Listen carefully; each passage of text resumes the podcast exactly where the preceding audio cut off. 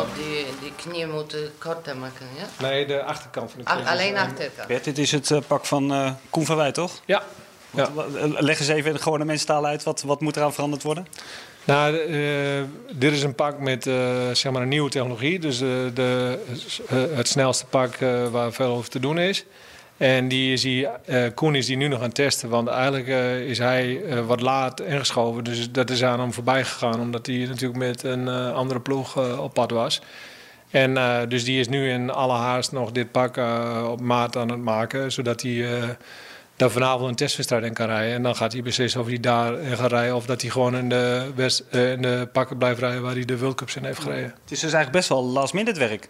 Wat eigenlijk ook wel gek is als je zo vlak voor de start van zo'n groot ja, Ja. moment in je leven staat. Ja, dat, dat, dat is nu voor Koen eh, geldt. Dat. De rest heeft het wel redelijk onder controle. Tenminste, de Lotto Jumbo ploeg en de, en de Just Lease ploeg... die hebben dat redelijk op orde. Die weten precies wat ze moeten doen. Als we even naar zo'n pak kijken, wat, wat is er zo nieuw aan deze keer? Nou, we hebben, we, eigenlijk is het pak eh, qua model en qua samenstelling eh, wel hetzelfde. Alleen we hebben de, de, op cilinderniveau, dat betekent dus de, de armen en de onderbenen en, de, en de, zeg maar vanaf de knie tot met half dijbeen. Daar, hebben, daar zitten we steeds te zoeken naar wat daar de beste eh, aerodynamica geeft. Daar kun je het meeste halen. Want dat rubber eh, wat, wat de steun geeft, dus wat meer voor de statische spierspanning is, dat veranderen we in principe niet. Omdat Dat is eigenlijk het bovenlichaam en de bovenbenen. ja, en dat is waar je de, de statische spierspanning mee reduceert en waar je het, het schaatspak de, de voorspanning mee geeft. Ja, een soort tegendruk. Tegendruk, ja. Ja. Dus zo kun je het ongeveer zien. Ja. En dan staan we hier dus vlakbij het eh, Olympisch dorp. Hè, met ja, van alles en nog wat. Ik zie klossen, ik zie eh, stofjes op de grond, scharen, naaimachines. Gebeurt er, eh, gebeurt er. Eh, is hier ook een komen en gaan van Nederlandse atleten?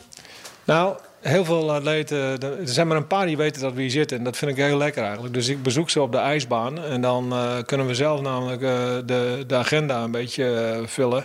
Waar Maar komt hij dan zo wel? Nou, de jongens die, die mij kennen, die mij ook wel eens normaal opzoeken. Hè, dus eh Kjeld of Sven of zo, die, die zullen hier wel koffie komen drinken. We hebben wel de beste koffie van, eh, van de omgeving. Zijn ze er ook even uit natuurlijk. En ze zijn er even uit. Maar weet je, eh, als je het heel druk hebt en iedereen komt binnen, dan, dan schiet het niet echt op. Dus we, ik vind het wel prima zo. Dus heel veel weten dat we in de buurt zitten van het Olympisch dorp. Sterker, sterker nog, eh 10 meter hier vandaan eigenlijk. Je klemt het hek over en je bent het. En, eh, maar ik vind het eh, best wel fijn dat we niet in de buurt zijn van de spotters. En dat ik ze gewoon op de ijsbaan opzoek. En dat we dan eh, de, de meting doen. En dat ik dan hier weer mijn, mijn pak kan vermaken. En dat we dat gewoon zelf zo kunnen timen. Dit pak eerst, van die moet s'avonds rijden. Dit pak mag morgen. want als hier iemand komt die zegt die wil erop wachten. Nou, dan is je hele planning is in de war. En dat valt nu wel mee, want het is nu niet meer zo druk. Maar de eerste dagen, wanneer, wanneer de grootste groep binnenkomt, zo de eerste was het echt, eh, echt heel erg druk hier. En dan, eh, ja, dan moet je niet hebben dat mensen allemaal even tussendoor willen en dat soort dingen. Dus vandaar gaat, eh, vanaf nu mogen ze wel komen, maar in de eerste week was het echt een drama als je dan iedereen tegelijk hebt. En dan merk je ook dat ze een beetje gestrest raken natuurlijk. Hè? Want het komt steeds dichterbij. En dan gaan ze misschien juist extra meer aan dat pak lopen frunniken en zo. Ja, maar dat, dat, dat komt nog. Dat is over een, een dag of zes. Die stress merk jij nog niet echt? Nee, ik moet eerlijk zeggen, überhaupt vind ik dat, dat iedereen, eh, eh, zowel shorttrack als... Want ik doe natuurlijk ook eh, tussendoor nog shorttrack. Vandaag hebben we rustdag bij de shorttrack. Maar anders doe ik eh, s ochtends vroeg de shorttrack en dan eh, smiddags tussen de middag de schaatsers, lange baan en dan s'avonds de lange baan. Of andersom, maar in ieder geval. ehm, dan eh, merk ik gewoon aan die groepen dat ze gewoon echt eh, heel veel plezier hebben. En dat, eh, dat er gewoon heel veel. eh, en ja, die, die, die, die losse, losse eh, stemming die is nu aanwezig. En straks ga je richting spelen ga je kijken dat ze gewoon allemaal wat eh, meer in hun, eh, in hun focus blijven. En dan Maar gaan ze het jou dan ook de hele tijd bellen en zo? Ja, als er iets meer is, wel ja. Ja? Als er iets niet goed is, dan, dan, dan bellen ze. Kan Nou je ja. ook alles oplossen? Nou, wel veel hoor. Vanochtend eh, moesten we de, de kleding van Cyril Maas allemaal overdrukken... omdat er te veel logos op stonden en dat soort dingen. En nou ja, ik bedoel, zo, zo mo- moet er op het laatste moment nog eh, pakken gemaakt worden voor Noord-Korea... en dat, dat soort dingen. Nou, dat prima. Die maak je ook. Ja, we hebben de shorttrack pakken voor, eh, voor die eh, twee Koreanen gemaakt... want die kwamen hier naartoe zonder pakken. En dan belt Kim Jong-un belt jou? ja. Via, Nee, dus. via, via, via. Nee, de- dan is de IOC die eh, iemand laat bellen en dan, eh, dan lossen we dat op. no time to waste. Gewoon een goede.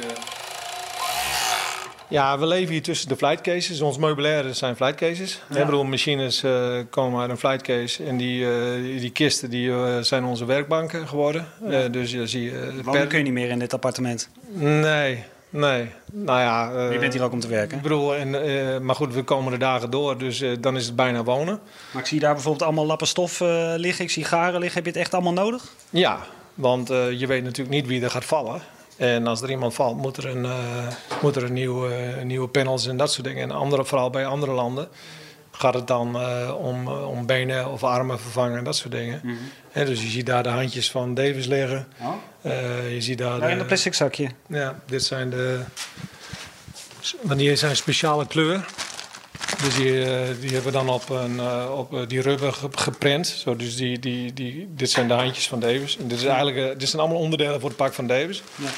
Maar goed, die heeft uh, wel zoveel pakken dat hij in principe uh, ook wel een paar keer kan vallen zonder dat hij direct in paniek raakt. Ja, en daar ook bijvoorbeeld heel simpel ja, een zakje zie ik liggen met uh, NED. Dat moet er allemaal nog op ja, dat gestreken. Zijn, Hoe zeg je dat? Geperst? Ja, die worden dan op die panels. Nederland heeft dat op de rug staan, NED met Team NL. En nou ja, dit is dan van Belarus. En dit zijn dan die, die stoffen voor die benen van, de, van het snelste pak ja. van Nederland. Ja. met die streep. Wit-Rusland niet? Die heeft, oh. Nee, die heeft nee. Wit-Rusland niet. Nee. nee. Dus je werkt wel voor andere landen, maar je hebt ook wel... Uh, niet elk land krijgt hetzelfde pak. Nee, ik bedoel, als een land mij in wil huren voor een snel pak... en die hebben een technologie, dan is dat exclusief voor dat land. Ja. Ik bedoel, als ze dat betalen, die testen betalen... en dat soort dingen, en de ontwikkeling van die uh, pakken bestel... Uh, dan, dan blijft het bij het land. Hè. Zo, in Sochi hebben we... Uh, met Rusland een pak ontwikkeld die alleen voor Rusland was. En met Nederland uh, liep daar gewoon parallel. En dat is voor ons best wel lastig, want we moeten uh, wat we weten bij het ene land. Dus ik sta wel eens in een windtunnel en weet al hoe het afloopt. Maar ja, ik kan er niet echt op vooruit lopen ja. dan.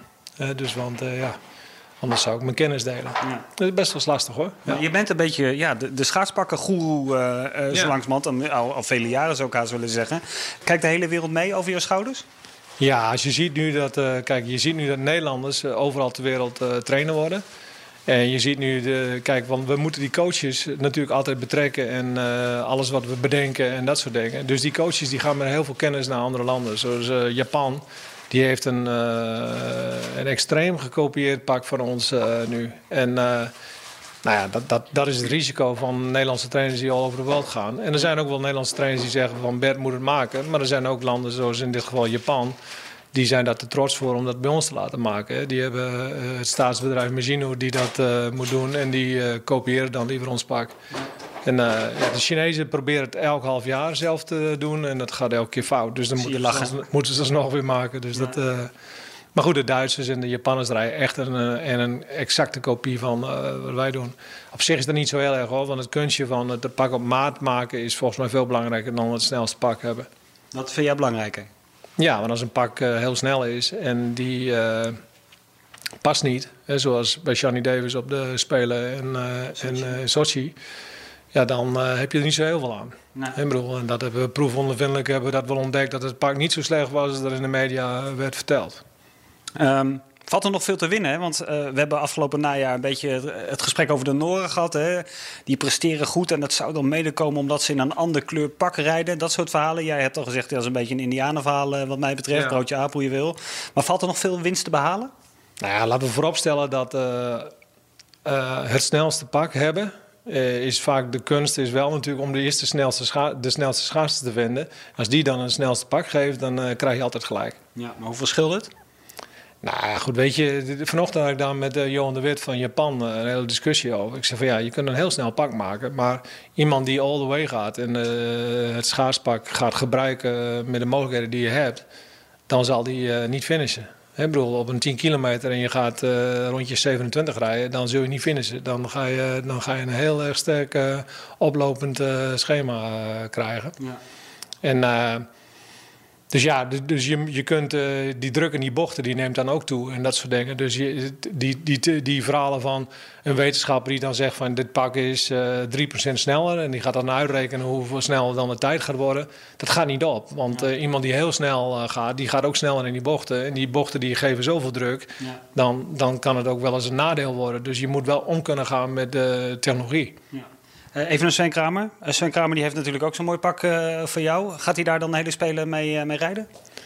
Nee, Sven rijdt uh, in de training in een ander pak waar, hij een wedstrijd in rijdt. Sterker nog, die rijdt elke wedstrijd in een ander pak. Elke wedstrijd, de vijfde, tien, de, de ploegachtervolging, elke keer de massastart, elke keer is het anders? Elke World Cup, elke EK, elke WK, elke afstand rijdt hij in een nieuw pak. En maakt dat echt dan uit? Nou ja, dat... is het ook een beetje ja, psychisch?